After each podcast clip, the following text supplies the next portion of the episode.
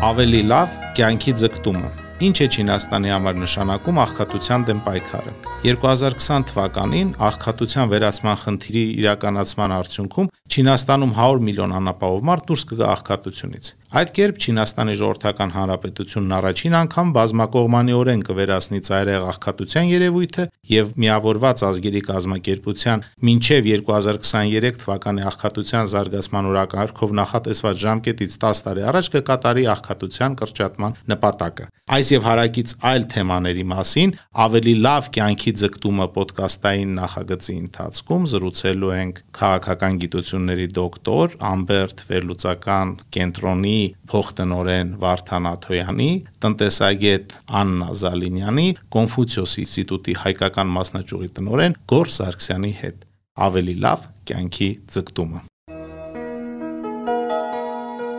լրջորեն ուսումնասիրել եք այդ փորձը Տասնամյակներ առաջ Չինաստանը շատերին թվում էր, հա, գիտեին բոլորը մեծ երկիր, միջուկային տերություն, զարգացող պետություն, բայց կարծես անհասանելի էր թվում այդ նպատակը, որ ծայր աղքատությունը պիտի վերանա, որ տնտեսությունը ուղղվելու է այդ մարդակենտրոն առանցքը դեպի։ Ինչպես իրանց այդ հաջողվեց։ Որն էր այդ հաջողության գաղտնիքը։ Նախ շնորհակալություն եմ հայտնում հրավերի համար։ Շատ կարևոր եւ արդիական թեմա է հատկապես մեզ համար, հա, եւ որպես միջազգային փորձի ուսումնասիրություն կարծում եմ սա նո առաջնահերթություն է, հա, հատկապես Չինաստանի փորձին անդրադարձը։ Այս առումով պետք է նշել, որ հաղթարումը որպես այդպեսին դա 1-2 կամ նույնիսկ 10 տարվա գործընթաց չէր, հա, ամեն ինչ սկսվել էր շատ ավելի վաղուց դեռևս 70-ական թվականներից Դեն Սյաոպինի 4 ծրագրերի, 4 արդիականացումների ռազմավարության ներդրումից ի վեր, հա, որոնք ընդգրկում էին ըստ էության 4 առանցքային ոլորտ, դա արդյունաբերությունն է, գյուղատնտեսությունն է, ազգային պաշտպանությունն է եւ գիտությունը։ Այդ տարիներից սկսած տարի առ տարի, հա, այս ուղությամբ աշխատանքներ տարվել են։ Այն ամենին պետք է այս առումով շեշտադրել, որ հիմնականում հա մեծ ծավալի աշխատանք սկսեց կատարվել նաև 2012 թվականից սկսված, հա, երբ իշխանության եկավ ներկայիս Չինաստանի ժողովրդական հանրապետության ներկայիս առաջնորդ Սի Ցինփինը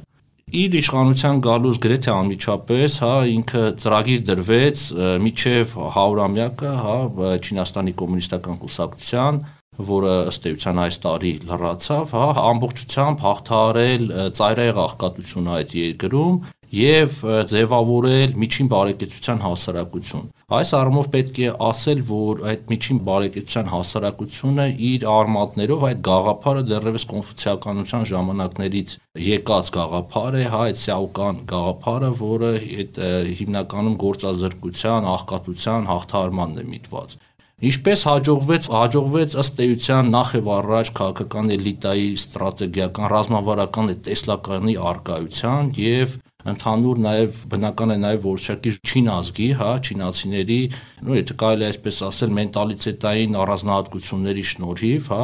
բարձր կազմակերպվածություն եւ այլը եւ այլը, որոնք ըստ էության իրականություն դարձրին այն, ինչ որ նախագծվել էր ըստ էության 10 տարի առաջ եւ նույնիսկ եթե մենք փորձենք մի քանի թվեր բերել, հա, պատկերը ավելի ամբողջական կդառնա։ Տեսեք, նույն դեռևս 10 տարի առաջ, հա, Չինաստանում դեռևս շուրջ 4000 գյուղ դրանք վիճակագրական տվյալներ են, ճուներ կայուն էլեկտրամատակարարում, ավելի քան 100.000 գյուղ ճուներ իրար կապող ճանապարհ։ Ավելի քան 100 միլիոն մարդ դեռևս գտնվում էր թեև նախորդ տարիների կատարված մեծաթիվ աշխատանքների շնորհիվ, որոնց շնորհիվ հարյուրավոր միլիոնավոր մարդիկ դուրս էին եկել աղքատությունից, հաղթահարել էին աղքատությունը, դեռևս 100 միլիոն մարդ գտնվում էր աղքատության շեմից ներքև այս առումով այդ խնդիրը 10 տարում սա մի ֆանտաստիկ ծրագիր էր, հա, պատկերացրեք, որպեսի այդ 100 միլիոն մարդը հաղթահարեր 9-10 տարվա մեջ այդ աղքատությունը, պահանջում էր որ տարեկան 10 միլիոն մարդ կարողանային աղքատությունից հանել, դա նույնն է ինչ 1 րոպեում 20 մարդ։ Այսինքն այս առումով դա ֆանտաստիկ ծրագիր էր, որը ըստ էության 2021 թվականին իրականություն դարձավ։ Որն է Հայաստանի համար ձեր կարծիքով ամենաուսանելի դասը աղքատության հաղթահարման չինական փորձից։ Այս առումով իհարկե շատ դասեր կան, բայց այստեղ պետք է հաշվի առնել նաև ազգային առանձնահատկություններով պայմանավորված իրավիճակը, հա, եւ ռեսուրսային իրավիճակը։ Չինաստանը ունի մարդկային ռեսուրսների մոբիլիզացիոն աշխարհի ամենամեծ ռեսուրսը եւ 1.4 միլիարդ մարդ է ապրում, հա, շուրջ եւ միայն տարածքը, ասենք, զբաղվում է շուրջ 9.6 միլիոն քառակուսի կիլոմետր։ Այս առումով իհարկե կան որոշակի տարբերություններ, բայց ամենակարևորը դա նպատակադրումն է, հա։ Նախ եւ առաջ պետք է սկսել քաղաքական էլիտայից։ Քաղաքական էլիտան պետք է դնի ռազմավարական նպատակներ, մշակի համապատասխան ծրագիր, Եվ ըստ այդմ պետք է, այսինքն դա պետք է ավերևից սկսվել, հա, երբ որ պետք է փորձագիտական մակարդակով, չգիտեմ, հասարակական կազմակերպությունների մակարդակով այդ խնդիրը հնարավոր չէ լուծել նախ եւ առաջ պետք է դնել ծրագիր եւ այդ ծրագիրը ունենա հստակ ժամանակացույց, ռազմավարական, տեսլական եւ այլ եւ այլ եւ ըստ այդմ քայլ առ քայլ ուսումնասիրելով նաեւ ավելի խորքային, եթե կարելի է մանրադիտակով ուսումնասիրել այդ փորձը, հատկապես տնտեսության վերաբերվող հատվածը եւ փորձել դա տեղայնացնելով իրականացնել։ Իհարկե, ստեղ կա նաեւ բազմապիսի տարաբնույթ տարբերություններ, հա, որոնց պատճառով, հա, եթե կարելի ասել, նույնությամբ այդ փորձը հնարավոր չէ կիրառել։ Չինաստանը կա, այսպես ասած, իշխանության անփոփոխության, այսպես ասած, երևույթը, հա, ըստ էության այնտեղ իշխանության է Չինաստանի կոմունիստական կուսակցությունը եւ այնտեղ այդ ռազմավարական ծրագիրը այդ առումով, հա, ամեն մի հաջորդ եկած իշխանություն փորձում է շարունակել նախորդի կատարած աշխատանքը, որը թերևս մեզ մոտ մի փոքր չմտնելով քաղաքական դիսկուրսների մեջ, հա, մի փոքր այլ երանգավորում է ստանում։ Բայց այնուամենայնիվ մենք պետք է կարողանանք այն հիմնական դրույթային մակարդակով, հա, պետք է հստակ մանրադիտակով ուսումնասիրել, թե ինչպես է դա հաջողվել։ Օրինակ, տարբեր հետազոտական կառույցներ առանձին ուսումնասիրություններ այս ուղղությամբ իրականացրել են Հայաստանում, հա, թեկուզ վերցնենք նույն մեր Հայաստանի Պետական տնտեսագիտական համալսարանի ամբերտ հետազոտական կենտրոնը, որը ոչ միայն տնտեսության, այլ հիմնականում նույնիսկ ոչ տնտեսական առումով ուսումնասիրել չինական փորձը, օրինակ նույն հենց ուղեղային կենտրոնների զարգացումը, որոնք վերջին 10-15 տարում ֆանտաստիկ ցուցանիշներ են արձանագրում, հա, այդ ոլորտում։ Դա նույնպես եկավ քաղաքական էլիտայի այդ նպատակադրումից, հա, չմտնելով այդ թեմայի մեջ շուրջ 5-6 տարի առաջ կարճ ասեմ, որ նախագահ Սի Ցզինպինը նպատակ դրեց ստեղծել գլոբալ ազդեցության ուղեղային կենտրոններ, ոչ միայն տեղական նշանակության, համապատասխան շրջաբերական իջեցվեց համապատասխան կառույցներին, սկսվեց այդ ուղղությամբ աշխատանքը եւ այդ աշխատանքի արդյունքները մենք արդեն տեսնում ենք նույն Պենսիլվանիայի համալսարանի կողմից թողարկվող ուղեղային կենտրոնների տարեկան վարկանիշավորման մեջ, որտեղ Չինաստանի ուղեղի կենտրոնները աննկարագրելի թռիչք են կատարել վերջին տարիներին եւ աշխարհում ամենաազդեցիկ եւ խաղերային քաղաքականության ոլորտում ամենանշանակալի դերակատարում ունեցող կենտրոնների շարքում են աշխարհում։ Վերջի հարցը։ Նայեք, միևնույն ժամանակ Չինաստանն առաջարկում է օգտվել իր փորձից եւ վերջերս շատ է քննարկվում այն թե ինչպես ինչ ուղությամբ մենք պիտի դիտարկենք հայ-չինական հարաբերությունների զարգացումը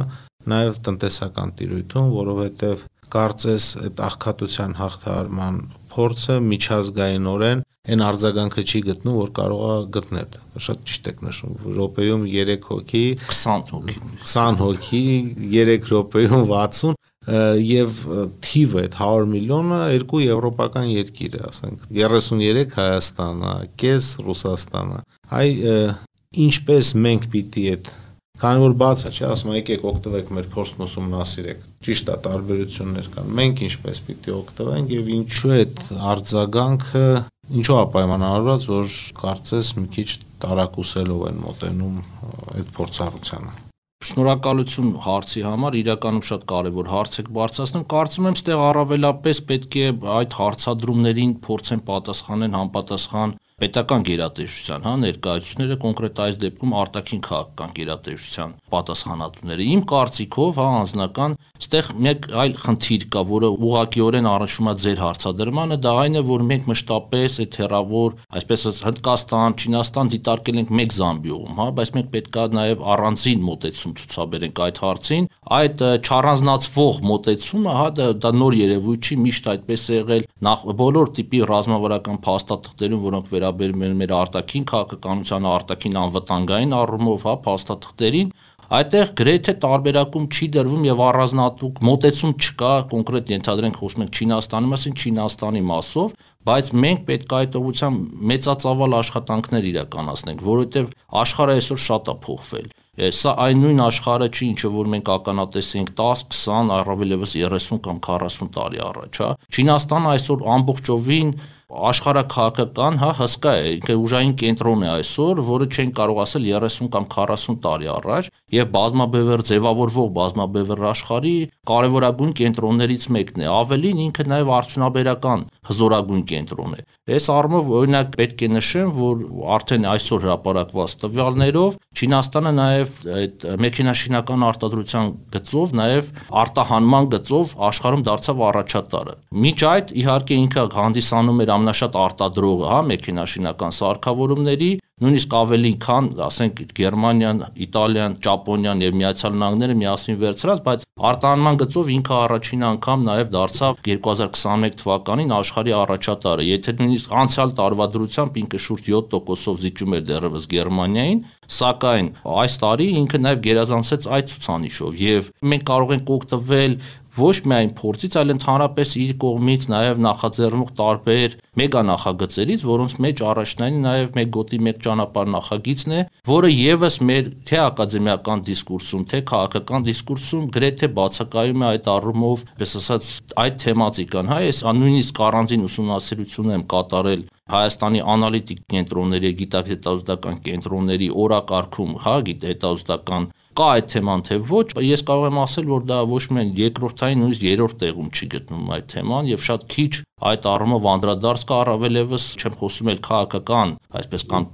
պետական կառավարման ապարատում, հա, այդ թեմատիկայի վերաբերյալ, ինչը շատ իմ կարծիքով բացթողում է, հա, որը պետք է փորձել լրացնել։ Շնորհակալություն պարոն Աթոյան, այժմ խոսքը փոխանցում եմ Աննա Զալինյանին, ով կանդրադառնա խնդրու առարկայի մասին իր պատկերացումներին։ Ինչպես Չինաստանին հաջողվեց հաղթահարել աղքատությունը։ Շնորհակալություն եւ առաջ հրավերի համար։ Չինաստանը մաղքատության սահմանագիծը 8 տարի առաջ մեկ անձի համար ամսական շուրջ 68 դոլար եկամուտներ Իսկ վերջին արդեն 3 տասնամյակի ընթացքում մեկ շնչի հաշվով հնայի ցուցանիշով Չինաստանն ամենաաղքատ երկրների ցանկի վերջին տեղերից տեղափոխվեց առաջատար 30 երկրների շարքում, այսինքն հարմարվելով միջին եկամուտով որպես երկրի։ Պետությունը խոստացել էր հաղթահարել աղքատության շեմը մինչև 2021 թվականը կոմունիստական կուսակցության հիմնադրման 100-ամյակին։ Չինաստանի ժողովրդական հանրապետության նախագահ Սին Ցինփինը այս տարի երևի թե կհիշեք մարտ ամսին հայտարարեց, որ երկրում աղքատության հիմնախնդիրը լիովին լուծված է համարվում եւ տարածաշրջանային մասշտաբով աղքատությունը հաղթահարված է։ Վերջին 10 տարվա ընթացքում պետությունը աղքատությունից, շղթաներից հանել է գրեթե 100 միլիոն յուղական բնակչություն, իսկ ընդհանուր առմամբ 1970-ականների վերջից առ այսօր մոտ 770 միլիոն մարդու։ Եվ մի քանի տարի առաջ ես ինքս գտնվելով, այսինքն մինչև այս համավարակը մոտ տարի ու կես առաջ Չինաստանում էի եւ մեծ քաղաքներում սովորական բազմաբնակարան շենքերի առաջին հարկերը լցված էին սրճարաններով, արեստանոցներով, խանութներով։ Եւ իմ այն հարցին, որը շատ հետաքրքիր էր, թե այս փոքր բիզնեսները կարողանում են վճարել հարկերը, պատասխանեցին, որ պետությունը նախընտրում է իրենց շանհանգստացնել, այսինքն թողնել իրենք, որ աշխատեն իրենց համար, իշխանություններից օգնություն չխնդրեն եւ իրենք հոգան իրենց հոգսերը։ Շատ հետաքրքիր էր ինձ համար այս պատասխանը լսել Իսկ Չինաստանն այսօր արդեն շատ առումներով համարվում է միջին եկամտի պետություն, որտեղ տեսականորեն եկամտի օրական սահմանագիծը պետք է լինի ավելի քան 5.5 դոլար, այսինքն մոտ 3000 դրամ։ Չինաստանը հավասարապես կարևորում է ոչ միայն արկա քաղաքականության մեղմումը, այլ նաև աղքատության կանխարգելումը այ Չինաստանը համարվում է անգլերեն ասում են role model, դերային մոդել բարեփոխումների իրականացման առումով եւ շատ շատերը փորձում են հասկանան այդ մոդելի, այդ հաջողությունների բովանդակությունը եւ այդ ճանապարհը։ Այ ինչպիսին է եղել բարեփոխումների այդ դժվար ուղին եւ ուր է շարունակում շարժվել Չինաստանը։ Նշեմ, որ բարեփոխումների անհրաժեշտության մասին առաջին անգամ Չինաստանում խոսվել է 1980-ականներին երբ հայտարարվեց իշխանության գերկենտրոնացման, կուսակցական եւ վարչական մարմինների պաշտոնների համատեղ անթույլատրելիության մասին։ Կարևորվեց այդ ժամանակ պետության կողմից մատուցվող ծառայությունները ստանդարտացնելով իրականացնող կառավարության եւ գործադիր մարմիններն ունենալու հետ զուգահեռ։ Ի տարբերություն արևմտյան պետությունների, Չինաստանը ձգտում է շուկայական բարեփոխումներ իրականացնել գոյություն ունեցող պետական արկա կարգի շրջանակներում առանց ցնցումների։ Այ հենց այդ ամբողջության մասին ես իմ երկրորդ մենագրության մեջ շեշտել եմ առավել մանրամասն Դա Չինաստանի ժողովրդական հանրապետության եւ Հայաստանի հանրապետության տնտեսությունների պետական կառավարման առանձնահատկությունների մասին է։ Թվով իմ երկրորդ գիրքը, որի հենց հիմքն է հանդիսացել իմ առաջին մենագրությունը։ Ինչպես գիտենք, Չինաստանն արևելյան աշխարհի հզորագույն գերտերություններից է արևմտյանից արմատապես տարբերվող արժեքային հենքով եւ սոցիալ-տնտեսական ու քաղաքական համակարգերով։ Առհասարակ հենց իրենց մոտ երկրի պետական կառավարման, բարեփոխումների եւ քաղաքական կուրսի յուրաքանչյուր քայլի մեջ ներառվում է ինքնաբավության սկզբունքը, այսինքն իրենք առաջնահերթություն են տալիս ինքնաբավությանը, հարմոնիային եւ որպես պարտադիր արկայություն փորձում են այդ կայունության անբաժանելի մասը դարձնել այդ ինքնաբավության սկզբունքը։ Հայաստանի համար էլ աղքատության հաղթահարման խնդիրը խիստ արդիական է։ Եվ կարծեք, եթե դատենք այսպես, եթե 1 միլիարդից ավելի բնակչություն ունեցող հսկայական պետությունը կարողացավ այդ նպատակադրումը անի եւ աղքատության, ծայր աղքատության վերացմանը հասնի, ապա կարծում եմ դա մեր համար նույնպես հասանելի նպատակ է։ Այ որոնք կարող են լինել Չինաստանի դասերը Հայաստանի համար։ Հենց նույն հաջողության հասնելու չինական մի քանի մոտեցումների շուրջ խոսենք։ Առաջինը ինձ համար որը կարևոր է, դա Չինաստանը այն խնդրին մոտեցել է համակարգված։ Գյուղերում նույն ճանապարհների կառուցման, մարդկանց միջև հաղորդակցությունը բարելավելու նպատակադրմամբ։ Բնականաբար իրենց կարևորագույն դերն ունեցան նաև նոր տեխնոլոգիաները եւ ինչպես ասում են, որ Չինաստանում անգամ փողոցում կանաչի վաճառող տատիկը կարող է վճարն ընդունել հենց նույն QR կոդի տեսքով։ Այնինչ մեզ համար շատ տարօրինակ է։ Երկրորդ, այդպես որպես մոտեցում կցանկանամ նաև նշել, որ Չինաստանը կարողացել է արմատախիլ անել հենց աղքատությունը աշխատատեղերի ստեղծման միջոցով, նպատակ ունենալով տեղերում ձևավորել վճարունակ բնակչություն։ Իսկ այդ աղքատ տարածաշրջաններում ճանապարհներ էին հիմնականում կառուցվում դժվարամատչելի վայրերում, ապահովում էր հաղորդակցության միջոցներ, նաև ստեղծվում էին արտադրական օբյեկտներ։ Ուրեմն Չինաստանի կառավարությանը արտահանման մոդելից անցում կատարելով, անցնելով սպառման աճի մոդելին, անհրաժեշտ էր անverջ փող ծախսող բնակչություն։ Դա իրանց համար գերխնդիր է համարվում առ այսօր։ Հաջորդ մոտեցման մասին այօրինակ մարդիկ կան, որ մտածում են Հայաստանում իրագործվող ամեն մի բարեփոխում կամ ծրագիր պետք է համապատասխանեցված լինի պարտադիր միջազգային ստանդարտներին համապատասխան։ Օրինակ ինչ շատ հետաքրքիր է, օրինակ ինչ այլ կարծիքներ կարող են լինել այս հարցի շուրջ։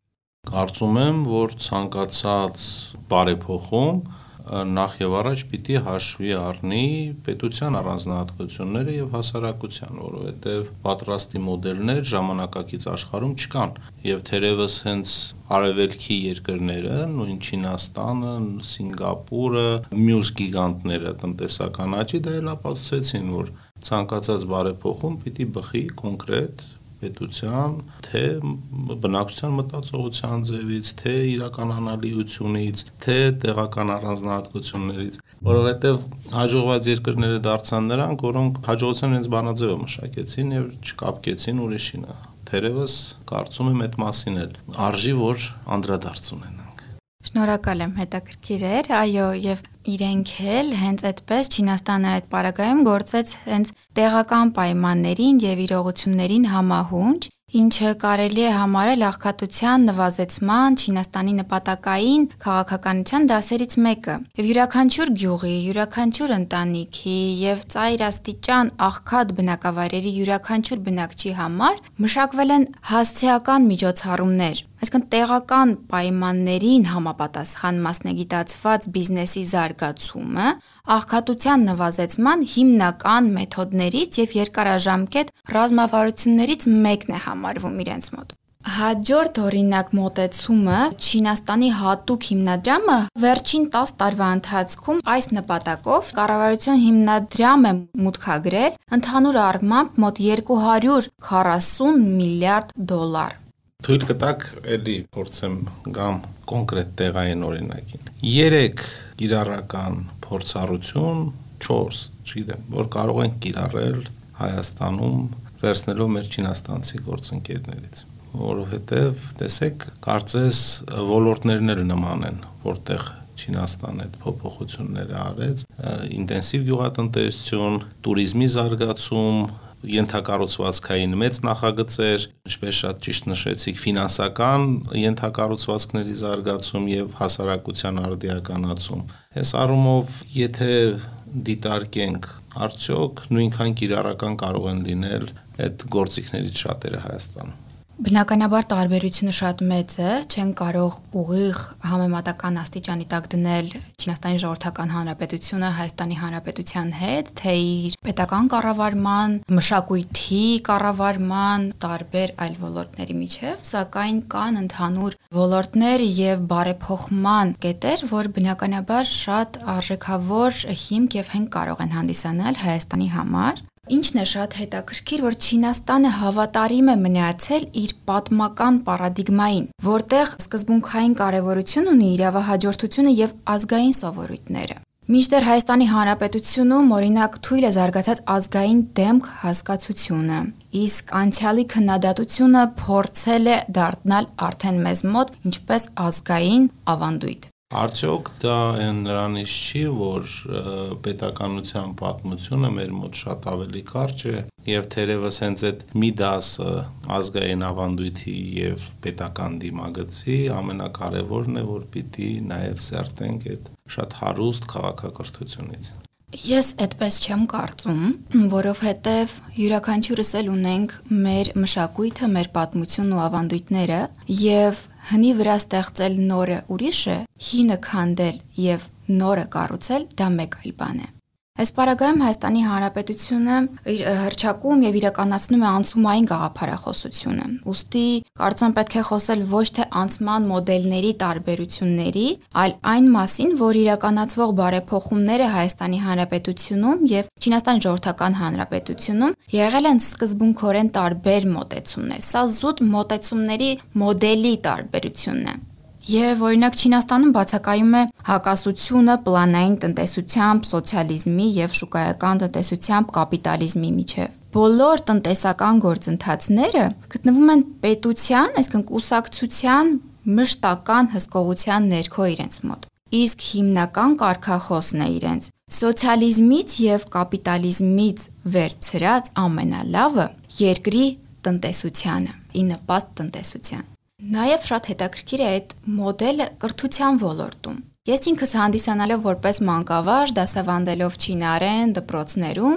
ինձ համար շատ կարևոր եւ հետաքրքիր նախապայման է այն, որ օրինակ 2012 թվականից մինչ 18 թվականները Չինաստան նախադպրոցական եւ պարտադիր կրթության, արհեստագործական եւ բարձր կրթության ոլորտում օգնություն է ցուցաբերել 620 միլիոն աշակերտների շատ կարևոր մի հանգամանք եւս ինձ համար, Ուրեմն իրենց մոտ գիտելիքների եւ կրթության վրա հիմնված աղքատ տարածքների զարգացումը սահմանափակող բացը փակելու ջանքերը աղքատության դեմ վերջնական հաղթանակի հիմնական մեթոդն է համարվում։ Աղքատության դեմ պայքարի համար շատ հետաքրքիր փորձերել են արված, օրինակ համայնքի ղեկավար նշանակում են հենց պետական կառավարման համակարգի բարեփոխումների մեջ այն պետական գործիչներին, ովքեր որ ունեն շատ պրոֆեսիոնալ եւ տարիների փորձ։ Դա իրենց համար նախապայմաններից մեկն է հանդիսանում։ Եվ առհասարակ շատ հետաքրքիր փորձ է նաև Սփյուռքի հայրենակիցների վերադարձի փորձը, Չինաստանում թափուր աշխատատեղերի համալրման, արտասահմանում կրթված եւ աշխատանքային փորձ ունեցող չինացիներին հավաքագրում են եւ հայրենիք վերադարձնելու նպատակով Ամեն տարի կառավարությունը արտասահմանում կազմակերպում է տոնավաճառներ, որտեղ որ հենց այդ երիտասարդները, ովքեր որ մեկնել են սովորելու եւ ունեն փոքր աշխատանքային փորձ արտերկրում, Չինաստան տալիս է հնարավորություն, որpիսի իրենք վերադառնան իրենց երկիր, համապատասխան իհարկե պայմաններով, որը բավականին հաճելի, լսելի եւ ընդունելի է այդ մասնագետների համար, բայց մի կողմից էլ պետությունը շահում է այն, որ ունենում է մասնագետների պրոֆեսիոնալ փորձ եւ բանակ։ Շնորհակալություն հետաքրքիր անդրադարձի համար, պարոն Սարգսյան, հերթը ձերն է։ Առաջ հարցը որ ուզում եմ քննարկենք, աղքատության հաղթարման չինաստանյան փորձի կիրառությունն է մեզանում եւ որոնք կարող են լինել այն դասերը, որ որպես զարգացող տնտեսություն, որպես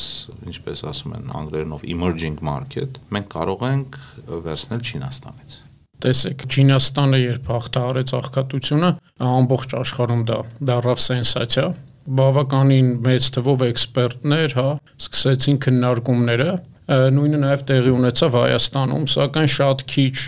գրեթե չքննարկվեց դրա իրական կողմերը, դրա փիլիսոփայական կողմը, որը ըստ ինձ ավելի կարևոր է, քան տնտեսական նման արագ աճը կամ հենց այդ ազատականացված շուկայական հարաբերությունները։ Իրականում Չինաստանը շուրջ 40 տարիների ընթացքում սկսված բաց դռների քաղաքականությունից բավականին լուրջ հիմքեր էր տնտեսական առումով ձեռք բերել այս հաջողությանը հասնելու համար, սակայն սա նաև ունի փիլիսոփայական հենք։ Փիլիսոփայական հենքը հիմնականում բխում է կոնֆուցիական կամ լաոցզի դիսցիպլինայի եւ կարգապահության թեզերից, որոնց նվիրված են բավականին մեծ աշխատություններ։ Եվ իհարկե, այստեղ մեծ դեր է խաղում ռազմավարական նախաձեռնություններին, անմիջապես ընթացք տալու եւ դրան զարգացնելու չինական փիլիսոփայության միտումները։ Եվ ես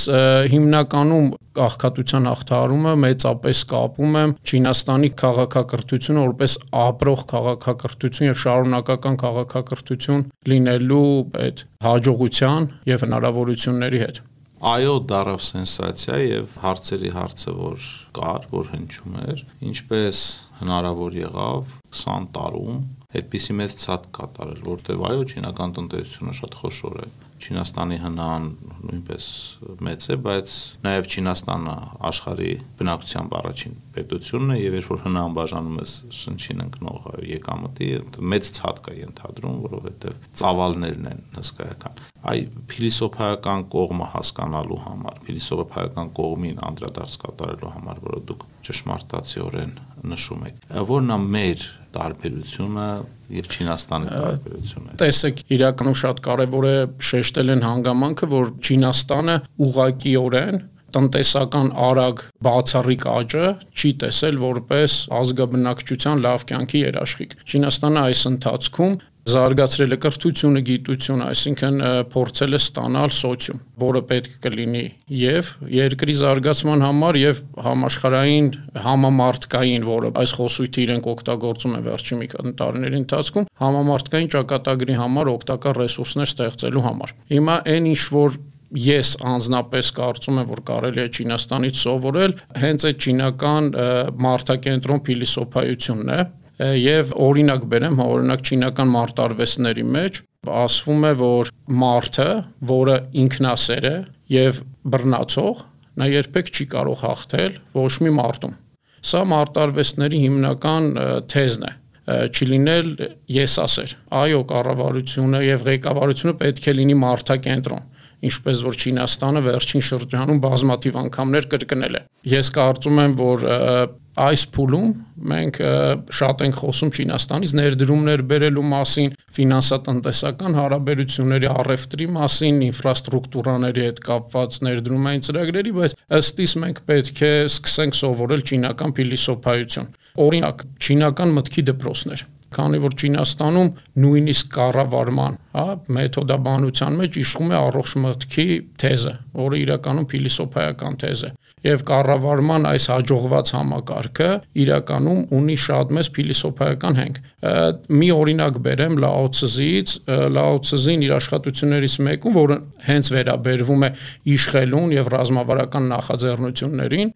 ասում է, որ իշխողը, հա, երկրի իշխողը պետք է կապի հանգույցները մինչև դրանց քանդվելը այ շատ լավ կլիներ որ մենք սկսենք սովորել նմանատիպ փիլիսոփայություն մարդկանց կյանքի վերաբերյալ նախաձեռնությունները արագ իրականացնելու, չդանդաղելու վերաբերյալ եւ ընդհանրապես սոցիումի, այդ հասարակության, համամարտկային ճակատագրի վերաբերյալ, որը շատ խորն է։ Իրականում ինձ համար բավականին զարմանալի է, որ մենք Հայաստանում ճունենք չինական փիլիսոփայության այսպես ուսումնասիրության որևէ ուղղվածություն, թեկուզ համասարաններում կամ դպրոցներում, բայց կարծում եմ, որ այս փուլում դրա ներառումը մեզ համար շատ ավելի կարևոր է որն է լինելու հաջորդ նպատակը, որ դնելու է Չինաստանը իր առաջ։ Տեսեք, իրականում ես վստահ եմ, որ 2020 թիվը մտնելու է պատմության մեջ որպես Չինաստանի դժվարությունների հաղթահարման փուլ, բայց այն թեզը, որը մենք էինք հաճախ կրկնում, որ համավարակից առաջացած դժվարություններից պետք է ստանալ առավելություններ, դա շատ արագ իրականացրեց հենց Չինաստանը եւ աշխարհի մի շարք պետություններ փորձեցին կրկնել այդ ֆենոմենը ցավոք հաշվի չառնելով որ այդ ֆենոմենի հիմքում ընկած է կարգապահության եւ կառավարման մեթոդների փիլիսոփայությունը եւ ես դա անվանում եմ քաղաքակրթական հաղթանակ այս 20 թվի բոլոր իրադարձությունները, հա, հենց համավարակի հետ կապված դա իրական քաղաքակրթական հաղթանակ էր։ Ինչ է պատրաստում Չինաստանը անել հետագայում, կարծես թե շատ համընկավ հաղթահարումը, հա, աղքատության 100 կոմունիստական կուսակցության 100-ամյակի հետ, 100-ամյակի հետ կապված բավականին լուրջ ելույթներ հնչեցին եւ այդ ելույթներից կարելի էր հասկանալ մի հիմնական մեսիջ ամբողջ աշխարհին եւ աշխարհի բնակչությանը, որ Չինաստանը պատրաստվում է կիսվել իր բոլոր հաջողություններով, իր գրանցած փորձով, հաջողությունների եւ օգնել ռեսուրսներով։ Դրանք կլինեն պատվաստանյութեր, դրանք կլինեն մարդկային ռեսուրսների տեսքով, ֆինանսական ռեսուրսների տեսքով։ Եվ օրեր առաջ իրենց արտգործ նախարարը գրեց մի հոդված, որը վերաբերվում էր Չինաստանի ապագայում ամբողջ համաշխարհային բնակչության հետ համագործակցելուն եւ եւս մեկ անգամ առաջարկեց, որpիսի ոչ միայն համաճարակի դեմ միասին պայքարեն, այլ բոլոր այն դժվարությունների, որոնք մարդկանց համար են եւ կոչ արես կառավարություններին ստեղծել հարթակ, որտեղ նրանք կարող են իրականում համագործակցել։ Այսինքն մենք գործ ունենք համաշխարային նոր ուժի կենտրոնի հետ, որ իր առաջնահերթություններում տեսնում է